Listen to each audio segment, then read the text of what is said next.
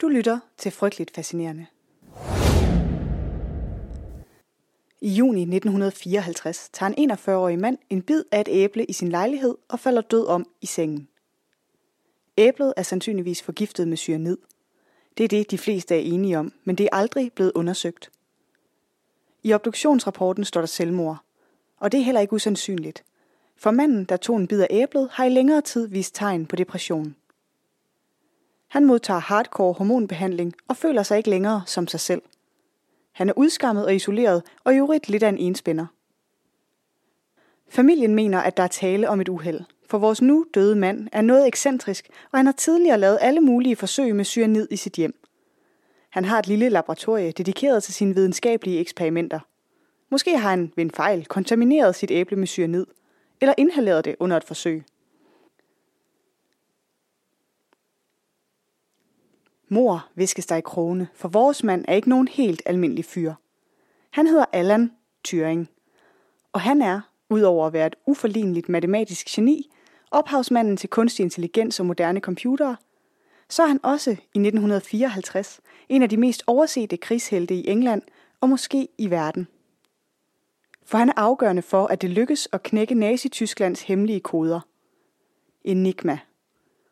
Noget, som af de fleste blev anset som umuligt.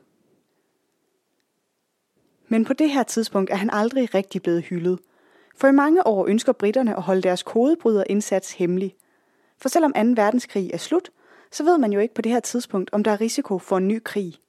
Husk på, at der kun er 20 år mellem afslutningen af 1. verdenskrig og begyndelsen på 2. verdenskrig. Så måske har Thyrings død noget med hans hemmelige arbejde med Enigma at gøre. 15 år tidligere står Europa i flammer. Tyskland har invaderet Polen, Frankrig og England har erklæret Tyskland krig, og ret hurtigt ser det ret skidt ud. De allierede kæmper en krig om Europas fremtid, og de er ikke ved at vinde den. Velkommen til det her afsnit af Frygteligt Fascinerende, hvor vi dykker ned i historien om den tyske Enigma-kode og hvordan den bliver brudt. Frygteligt Fascinerende er en podcast om alt det frygtelige, som alligevel fascinerer os. Her nørder vi helt ned i detaljen i nogle af de mest opsigtsvækkende og uhyggelige fænomener og begivenheder i historien. Velkommen til. Kryptologi. Selv ordet lyder fedt. Kryptologi. Lige som noget, man gerne vil vide meget mere om. Og der er du heldig, for det er lige præcis kryptologi, vi skal høre mere om i dag. Og krig. Og menneskerettigheder. Men mest kryptologi, fordi det er så sindssygt fedt. I dag graver vi ned i den tyske Enigma-maskine, og hvordan det lykkedes et hold af matematiknørder at bryde den mest avancerede kode, verden nogensinde har set. Kryptologi er læren om hemmeligholdelse af information. What, hvor fedt! Hemmeligholdelse. Det kommer fra græsk, krypto, hemmeligholdelse, logi, læren om. Og det kan godt være, at det er fordi jeg er nørd, at jeg synes, det er så fedt.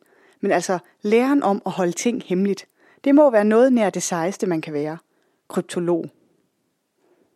Det er også meget nørdet, og også ret komplekst, så her får du bare lige den korte version. Kryptologer arbejder i korte træk med tre ting. Klar tekst, som er den besked eller de data, man gerne vil sende i sin rene form. Dit hemmelige brev, om man så må sige. Og så er der kryptotekst. Det er den slørede tekst. En hemmelig version af den første tekst, men som ligner volapyk. En rigtig god kryptotekst ligner bare en tilfældig blanding af bogstaver og tal. Og endelig er der nøglen. Det er den, der bliver brugt til at kryptere klarteksten. Lidt efter hvilken type af kryptering, der er tale om, kan det også være nøglen, der skal bruges til at dekryptere, eller gøre kryptotekst til klartekst igen. Det her er selvfølgelig den simple version. Du kender den måske fra en børnefødselsdag, hvor skattekortet er skrevet på kryptotekst, hvor hvert bogstav er erstattet med et andet. Mere avancerede former for kryptering er dem, man finder helt tilbage fra det gamle Grækenland med en skytale. Skytale. Jeg tror, det er sådan, man siger det, men det kan være helt forkert. Jeg har aldrig hørt det udtalt. Det er et af de ord, jeg kun kender fra bøger, så skriv gerne til mig, hvis det er helt galt. Og så er det også en kærlig reminder om, at når man støder på nogen, der ikke udtaler ord rigtigt, så er det nok fordi, de har lært det ved at læse det. Og det er der altså ikke nogen skam i. En skytale er sådan en af de der idéer, der er så sindssygt cool i sin simpelhed. Og samtidig virkelig forud for sin tid. For det er en håndværksmæssig løsning på et abstrakt problem. Helt kort består en skytale af en viklestok og en læderstrimmel. Du vikler strimmel om stok, og så skriver du din besked. Når du vikler strimmelen ud, er bogstaverne blandet. De er blevet til kryptotekst, som kun kan læses af nogen, der har en viklestok i samme form og størrelse som din. Fandme smart. Skud ud til oldgrækere. Eddermame innovativt. Det er kryptologi kort fortalt, men det kommer i uendeligt mange former, fra børneskattejagt til uendelig kompleksitet. Det vi skal tale om i dag er ikke den simple version. Det er Enigma. Og på det her tidspunkt bliver det anset som den mest avancerede kode, verden nogensinde har set. Og den kommer med lidt mere udstyr end pen og papir. Både for at kode beskeder og for at dekryptere dem. Forestil dig en skrivemaskine. En stor, klodset skrivemaskine med alle mulige forbindelser og tandhjul indeni, som man så kan skrue på og indstille. Og så virker den faktisk som en ganske almindelig skrivemaskine, og det er det, der gør den så smart. For det kryptering, der er så brugervenligt, at den hver kan gøre det. Forestil dig, at du arbejder i hæren, og du gerne vil give besked til dine kammerater om noget vigtigt strategisk militær viden. Det vil du gerne gøre over radioen, for det haster, og radiobeskeder kommer frem nærmest med det samme. Men du kan ikke risikere, at fjenden opsnapper radiobeskeden. Radiobølger kan jo sådan set opfanges af enhver, der gider. Så du har brug for at kryptere beskeden. Her kommer din Enigma ind i billedet. Du indstiller din maskine til dagens kode, skriver din besked, og ud kommer en volapyk-besked. Så sender du den over radioen. I den anden ende sidder der en og modtager din besked. Vedkommende har allerede indstillet sin Enigma-maskine til dagens kode – så alt der er tilbage at gøre, er at taste beskeden ind i maskinen, og ud kommer den oprindelige meddelelse. Fandme smart. Enigma er konstrueret, så der er helt uforståeligt mange krypteringsmuligheder. Så tyskerne finder på et system, hvor de skifter indstillingerne på deres Enigma til midnat. Hver eneste dag. Og det er det, der er så djævelsk. For hver dag sidder der kodebrydere i England og forsøger at knække Enigma. Og hver dag til midnat kan de smide alt deres arbejde ud og begynde forfra – det er værdiløst. Koden er ændret. Men hvor svært kan det egentlig være at bryde sådan en bitte kode, tænker du måske? Ret svært skal det vise sig, for den er virkelig avanceret. Den mest avancerede verden nogensinde har set. Hvis du ikke ved, hvordan sådan en Enigma-maskine ser ud, så skal jeg gøre mit bedste for at male dig et lille billede. Vi har allerede etableret, at den ligner en skrivemaskine. En stor elektrisk skrivemaskine. Over tastaturet sidder der et lysbord, her er, ligesom på tastaturet, alle bogstaverne. Hvis du stikker din finger ned og taster et F for eksempel, for frygteligt fascinerende, så kan du se på lysbordet, at det er et Y, der lyser op. Så ved du, at F er krypteret som et Y i lige netop den her Enigma-indstilling. Men der, hvor det bliver ægte avanceret, det er, hvis du taster F igen. For så vil du se, at det i stedet er et A, der lyser op. For hver gang du taster et bogstav, så skifter krypteringen efter et tilfældigt mønster. Og det er præcis det, du gerne vil, når du krypterer. Hulter til bulter. Tilfældigheder. For de er svære at finde mønstre i, og de er derfor svære at knække. Hvis du en dag får muligheden, så anbefaler jeg virkelig at kigge nærmere på sådan en maskine. For den er pragtfuld. Man kan åbne den ved at løfte toppanelet af, og det er derinde the magic happens, om man så må sige. Hver eneste bogstavtast er forbundet med en ledning til en anordning med tre grove tandhjul. Tandhjulene er dem, der står for selve krypteringen, for inde i hvert tandhjul er bogstaverne koblet sammen gennem en ormegård af elektriske forbindelser til andre bogstaver, så det, der kommer ind som et F, bliver til et U i det første tandhjul. Men det tandhjul er forbundet til det næste, hvor det så bliver til et S. Og det tandhjul er igen forbundet til et, hvor det bliver til et Y. Hver eneste gang et tandhjul flyttes bare én position, så ændrer hele koden sig, og bogstaverne blandes på en ny måde. Nu er du sikkert ret skarp til hovedregning. Hvorfor skulle du ikke være det? Så jeg minder dig bare lige om, at der er 26 bogstaver i det tyske alfabet, og så får du lige et sekund til at regne ud, hvor mange kombinatoriske muligheder det giver vores Enigma-maskine. Mere end 150 millioner, millioner, millioner. Okay, medgivet, jeg ved ikke, om jeg siger det gigantiske tal helt rigtigt. Jeg er ikke ordentligt talkyndig. Jeg siger det, som jeg har hørt det sagt på film. Hollywood. Siden hvornår skulle de ikke levere nøjagtig historisk viden? Benedict Cumberbatch ville aldrig snyde mig. Den pæne mand. Men vi snakker 150 med 18 nuller efter. Det er helt ufattelig mange muligheder, hver eneste dag. Og når klokken slår midnat, forfra. Det er det, de står over for i England, da de kaster sig over og bryde Enigma. Som du helt sikkert ved, så er vi i 40'erne, mens 2. verdenskrig raser over Europa. Og det betyder, at vores kodebryderindsats ikke har nogen computer. Ikke engang så meget som en Commodore 64 har de at gøre godt med. De skal arbejde analogt. Og så skal de jo også lige have fundet ud af, hvem pokker man rekrutterer ind til sådan en opgave. Det er ikke rigtig den slags ting, som din almindelige militærmand lige kaster sig over. Du har brug for nogle andre kompetencer. Du skal bruge en nørd. En ægte nørd. Og det er måske derfor, jeg så godt kan lide historien om arbejdet med at bryde Enigma. The Nerds to the Rescue. Det giver ligesom håb i min krumrykkede Excel-krop. Den gode nørd er også nyttig. Og her kommer vi så tilbage til vores mand fra indledningen, Alan Turing. For han er en af dem, der bliver inviteret til at arbejde med kodebrydningen på Bletchley Park, hvor britterne har nedsat en hel enhed med forskellige hold, der arbejder i døgndrift med indsatsen. De rekrutterer professortyper, matematikere, fysikere, statistikere. Alt arbejdet er belagt med hemmelighedsklausuler. Men det estimeres, at der hen mod slutningen af krigen arbejder mere end 1000 mennesker i Bletchley Park. Nogle med det mere avancerede kodebryderarbejde, og nogle med transkribering af radiobeskeder. Indsatsen med at bryde Enigma er altså i høj grad frugten af mange menneskers utrættelige indsats. I lang tid ligner det en umulig opgave at bryde Enigma. Og det er det måske også, hvis man ikke har nogen spor at gå efter. Men det har vores hold af kodebrydere heldigvis. Med hjælp fra den polske efterretningstjeneste. For de har nemlig fået fat i både en Enigma-maskine, som de har smuglet ud af Berlin. Og det er virkelig vigtigt, for det er det første skridt i at forstå, hvordan Enigma fungerer. De har også en gammel kodebog, som viser, hvordan den tyske her arbejder med at udskifte Enigmas indstillinger. Så de har spor at gå efter. Og med de spor, så arbejder holdet i Bletchley Park med to grene. Den manuelle kodebrydning, hvor de hver dag med det samme, den første tyske besked opsnappes, forsøger at bryde dagens enigma-kryptering. At kalde det en svær opgave er en underdrivelse. For som vi fik etableret tidligere, så er der 150 millioner, millioner, millioner muligheder hver dag. Så det er ikke bare svært, det er også værdiløst hver dag til midnat. Derfor arbejder de også med en anden mulighed. Hvis der sidder nogle millennials derude og glæder sig til, at der kommer en computer med i historien, så er det godt tænkt, og det er nu, den gør det. For vores kodebryderhold vil rigtig gerne have en computer. Men de står over for et lille bitte problem i den forbindelse. Der findes ikke rigtige computere endnu, og computeralgoritmer eksisterer kun som en abstrakt idé, som mange jo et anser som en urealistisk fantasi. Men det stopper ikke vores hold fra at tænke stort og svært. På kontorerne i Bletchley Park bruger Alan Turing og hans hold avancerede statistiske og matematiske beregninger til at udvikle en maskine. The Bomb. Og The Bomb, den er The Bomb.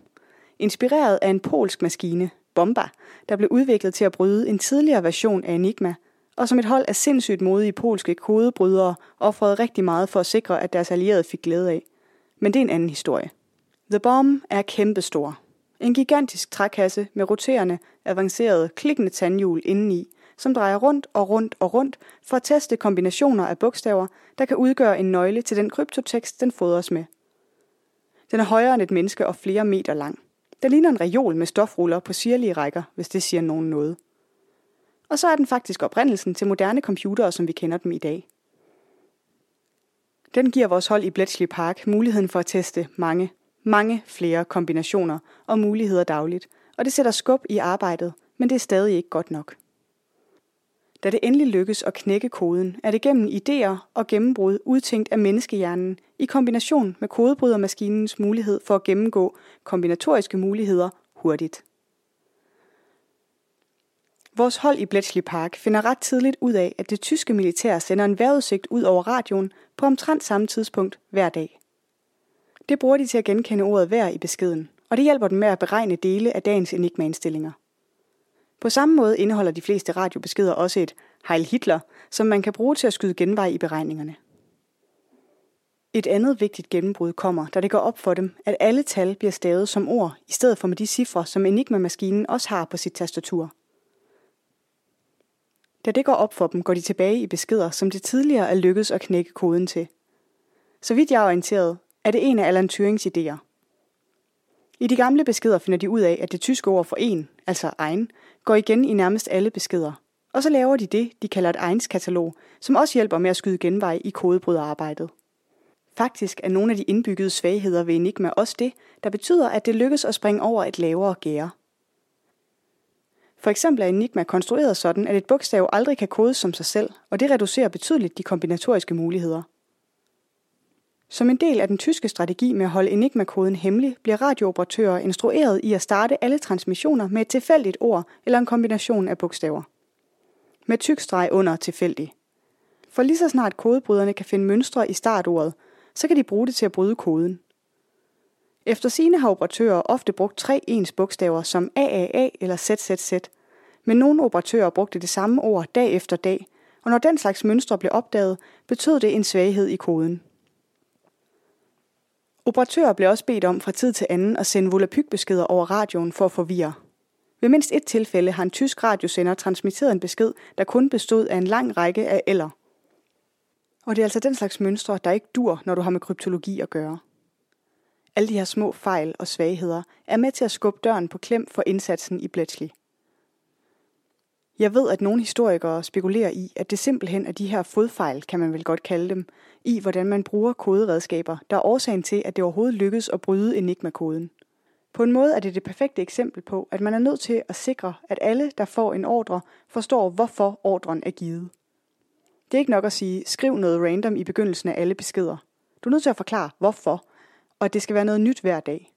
Hvis man nu havde sagt til alle radiooperatører, at mønstre i de daglige udsendelser udgør en trussel for den samlede kode, det er en svaghed i systemet. Og hvis der er svagheder i systemet, så bliver koden måske knækket. Og hvis det er dine dogne praksiser, der er årsagen til det, så er det din skyld, at koden bliver brudt. Held og lykke med at forklare det til Hitler. Så kan det være, at de her fejl ikke var sket. Skriv til mig for flere råd om krigsstrategi og ledelse. Velbekomme. Men hvad så, efter de har fået succes i Bletchley Park? Koden er knækket. Det vælter ind med efterretninger. Koden er knækket. Det vælter ind med efterretninger. Og så er det vel bare at komme i gang med at forebygge og afværge angreb, tænker du måske. Men det er ikke helt så lige til. For ligesom Rom ikke bliver bygget på en dag, så bliver krige heller ikke vundet på et slag. Og nu står den britiske efterretningstjeneste i lidt af en etisk, moralsk og strategisk suppedags. For hvis de straks sætter ind og reagerer på alle de nye efterretninger, de får, hvis de fra kodebryderdag og frem efter altid står på det rigtige sted på det rigtige tidspunkt, så ved de godt, hvad der kommer til at ske. Og det gør du måske også. Hvis de gør det, kommer tyskerne hurtigt til at regne ud, at de har knækket Enigma. Og så holder de måske op med at kommunikere over radioen. Eller også udtænker de en ny krypteringsmetode. Ændrer maskinerne. Og hvis de gør det, så er alt det hårde arbejde spildt, og den nyvundne fordel i krigen forsvinder med et slag. Og som du nok kan regne ud, så skaber det her et helt nyt sæt af dilemmaer. For nu står efterretningstjenesten pludselig med information om alle de tyske angreb, der kommer til at ramme de allieredes flåde. Men de er nødt til at være uhyggeligt forsigtige med, hvilke angreb de afværger. Det er nødt til at virke sandsynligt, at de er blevet afværget uden at kende til angrebet på forhånd. Samtidig skal de vælge de angreb, der potentielt har størst strategisk betydning, så de faktisk bruger den nye information til at vinde krigen, frem for at opnå fordele i enkeltstående slag. Det betyder også, at efterretningstjenesten pludselig bliver herre over liv og død på en helt ny måde. Der er en scene i Imitation Game, kort efter de har brudt Enigma og er begyndt at opsnappe tysk information, hvor en af matematikerne i Bletchley opdager i en af de tyske radiobeskeder, at de har tænkt sig at bombe et stort britisk skib. Det viser sig, at matematikernes bror er ombord på det skib, og pludselig står hele holdet i et frygteligt dilemma. For med deres hjerter har de lyst til at advare skibet, men strategisk ved de, at det risikerer hele kodebryderindsatsen ved at gøre det. Og nu ved jeg jo godt, at Hollywood-filmen ikke er direkte dokumentar, men jeg tror heller ikke, det er sådan ment. Det er mere ment som et symbol på alle de dilemmaer, der opstår, når man skal beslutte, hvor man skal sætte ind og hvor man skal lade stå til. Det har helt sikkert haft en betydning for opvejningen mellem civile og militære mål. Civile mål, om end tragiske, så er de som regel ikke lige så strategisk vigtige som de militære. Da Enigma bliver brudt, får det betydning for krigen på alle mulige måder. Nogle mener, at det er brudet på Enigma og den viden, man får om det tyske forsvar i Normandiet, der er afgørende for den succes, de allierede får på D-dag. Mange mener, at den information, der blev opsnappet, forkortede krigen med flere år og reddede millioner af liv. Så kodebryderne i Bletchley, de bliver vel hyldet som helte. Desværre ikke rigtigt. Nu kan du måske huske fra introduktionen, at Alan Turing dør, før han bliver ret gammel – Og i starten spekulerede vi i både selvmord, uheld og mor. I 50'ernes England er det stadig ulovligt at være homoseksuel, og det er Alan Turing. Og det er derfor, han er i hormonbehandling, hvis det var noget, du undrede dig over. Så da han i 50'ernes England bliver taget i at være homoseksuel, står han over for et frygteligt dilemma. En fængselsstraf, hvor han i øvrigt ikke vil have mulighed for at fortsætte de studier, som han stadig her efter krigen er så optaget af. Eller også kan han underlægge sig hormonbehandling. Han vælger behandlingen, som selvfølgelig ikke fjerner hans homoseksualitet, men som har en frygtelig masse bivirkninger på både humør og krop. Det er heller ikke svært at forestille sig den følelse af ensomhed, der må følge med sådan en dom. Følelsen af ikke rigtig at høre til. Måske kan man tænke, at den engelske stat, det engelske folk, på en måde skylder en. Når man som Alan Turing har været så vigtig for udfaldet af krigen. Når man på den måde er en held. Men det lader ikke til, at der er nogen, der bruger ret meget energi på den slags tanker. Krigsindsatsen på Bletchley Park er stadig hemmelig, så politiet ved ikke, at de har at gøre med en krigsheld, da de sigter ham for homoseksualitet. Og der er ingen af dem, som faktisk kender til hemmeligheden, der gør noget for alligevel at give en håndsrækning til Alan Turing. Han blev kun 41 år gammel, og da han i 1954 bliver fundet død i sin seng, får hans indsats under krigen lige så stille lov til at gå i glemsel. Der skulle gå årtier, før det endelig falder nogen ind, at det måske er på tide med en undskyldning. I 2009 giver den daværende premierminister Gordon Brown på vegne af regeringen en offentlig undskyldning, og fire år senere, i 2013, benåder dronningen Alan Turing posthumt. I årene efter krigen holdes kodebrydernes indsats hemmelig. Man vil rigtig gerne bevare sine fordele. For verden er stadig i opbrud. Så man fejrer det ind under gulvtæppet, destruerer dokumentation, lukker ned, slukker og taler ikke om det igen. Og på den måde bliver en af krigens vigtigste strategiske indsatser fuldstændig glemt i tiden, der følger. Man kan jo undre sig over, at man ikke har følt samme forpligtelse til at hædre den indsats, som man gjorde med de soldater, der vendte hjem fra fronten. Noget andet, der altid har undret mig i hele det her show, er, hvad englænderne egentlig regnede med, at der skete med deres egne radiobeskeder. Jeg mener, de havde ligesom erkendt, at Enigma på det her tidspunkt er verdens mest avancerede krypteringsmaskine. Så de ved godt, at deres egne krypteringer er dårligere. Men de bruger dem alligevel. De kommunikerer selv over radioen. Det har altid undret mig, hvad overvejelserne lige har været der. Jeg mener bare, hvis I har knækket den tyske kode, verdens mest avancerede, så må I vel have overvejet sandsynligheden for, at tyskerne har knækket jeres. Det må der være nogle historikere derude, der har gjort sig nogle kloge tanker om. Og før du kommer efter mig, så har jeg skrevet til min egen historiker, en ven af podcasten. Han siger, at man i krig til en vis grad regner med, at ens kommunikation opsnappes. Derfor sendes jævnligt falske oplysninger afsted, så man får fjenden til at koncentrere sig om de forkerte steder – Faktisk byggede man modeller af krigsmateriel på steder i England, der kunne få tyskerne til at tro, at man ville invadere ved Calais og ikke Normandiet. Og selvom det i sig selv er så sindssygt fedt tænkt, så er det en helt anden historie end den, vi snakker om i dag. Under alle omstændigheder siger min historiker, at der ikke var så mange alternativer. Man har ikke haft så meget andet end radio og telegrafi at arbejde med, så man har måttet klare sig med det. Tak til Asger fra en lang historie kort for det input. Så er der også noget ægte faglig viden i det her afsnit. Men hvad så? Så blev den mest avancerede krypteringsform, som verden nogensinde har set, lige brudt. Hvad gør man så nu, når man gerne vil sende sine hemmelige beskeder? Jeg er glad for, at du spørger, for det er virkelig cool. Da Alan Turing ligesom får lagt grundstenene til moderne computere, så åbner der så også nye muligheder i kryptografien. Når man ikke længere er afhængig af mekanik eller menneskers regnekapacitet, så kan man virkelig sætte kryptering på speed. Og det gør man med en sindssygt cool teknik. Altså på nørdmåden, men rigtig cool på nørdmåden. Kort fortalt så findes der to slags kryptering, symmetrisk og asymmetrisk. Symmetrisk kryptering er den, vi kender fra Enigma. Man krypterer med den samme nøgle, som man kan bruge til at dekryptere. Men det nye, man har fundet på, det er at bruge asymmetrisk kryptering. Her er der to nøgler, en offentlig og en privat.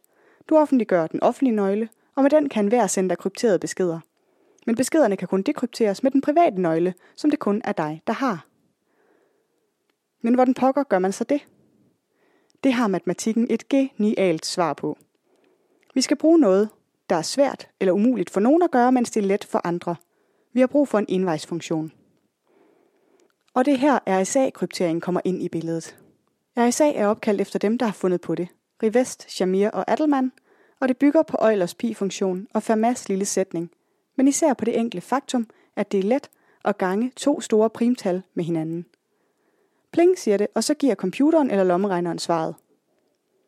Alligevel er det næsten umuligt at gå den anden vej, og ud fra svaret finde ud af, hvilke primtal man har ganget med hinanden. Computere er stadig ikke særlig gode til primtalsfaktorisering, og det kan bruges, når man skal kryptere. En af matematikkens fundamentalsætninger er, at alle hele tal kan opløses i primfaktorer, og at den her primfaktoropløsning er entydig. Og det er faktisk ret cool. For eksempel kan et tal som 24 fås frem på alle mulige måder. Du kan gange 12 og 2, eller 3 og 8, eller 4 og 6. Men der er kun én måde at opdele 24 i primfaktorer på. Og det er 2 gange 2 gange 2 gange 3. Er du med? Alle tal har en unik faktorisering. Det er altså nemt nok at gange primtal og få store tal frem, men det er som regel så godt som umuligt at gå den anden vej. Altså at finde tilbage til primtallene ud fra svaret. Det er lidt ligesom at blande saft og vand. Let at gøre, men svært at skille ad igen. Computere kan i dag let gange primtal med millioner af cifre. Alligevel er det kompliceret at foretage den samme beregning baglæns. Tal med få 100 cifre giver store problemer. Vanskelighederne ved at primtalsfaktorisere er det, der udnyttes af krypteringsalgoritmer som RSA. Primtallene er blevet hemmelighedernes ven. Og det kan da godt være, at det er lidt nørdet, men det er altså også meget sejt. Det der med at være så klog, at man kan omsætte en lille matematisk spidsfindighed til et sindssygt brugbart stykke hverdagsteknologi. Og måske er jeg lidt mere nørdet end de fleste. Og måske kan jeg ikke se skoven for bare overdreven nørdet begejstring. Det kan da godt være. Men jeg synes fandme, det er cool. Og nu ved du det også. Og så kan du sige ting som primtalsfaktorisering og asymmetriske problemer til dine venner. Og det får dem sikkert til at tænke, Nora, det var godt nok klogt sagt. Og så tror de, at du er en form for Lisbeth Salander-agtigt hackergeni. Hvem vil ikke gerne være det? Det var 22. afsnit af Frygteligt Fascinerende. Researchet skrevet, optaget og redigeret af mig. Jeg hedder Maria. Næste afsnit kommer allerede i næste uge, og du kan høre det i iTunes, Spotify eller der, hvor du normalt lytter til podcast. Dagens afsnit er inspireret af min svoger Benjamin, der også elsker historie og Benedict Cumberbatch. På min Instagram kan du like opslag eller sende mig en anbefaling til dit yndlingstema. Hvis du kunne lide det, du hørte, så giv endelig podcasten en anmeldelse. Det hjælper andre med at blive frygteligt fascineret. Tak for nu. I researchen til det her afsnit har jeg brugt oplysninger fra videnskab.dk, Historie Online, The Independent, TED Talk, Infomedia, BBC, Washington Post, New York Times, Kryptologi, hvor svært kan det være, Alan Turing, The Enigma af Andrew Hodges og Manchester University, BBC, og de altid dybsindige bidragsydere på Quora.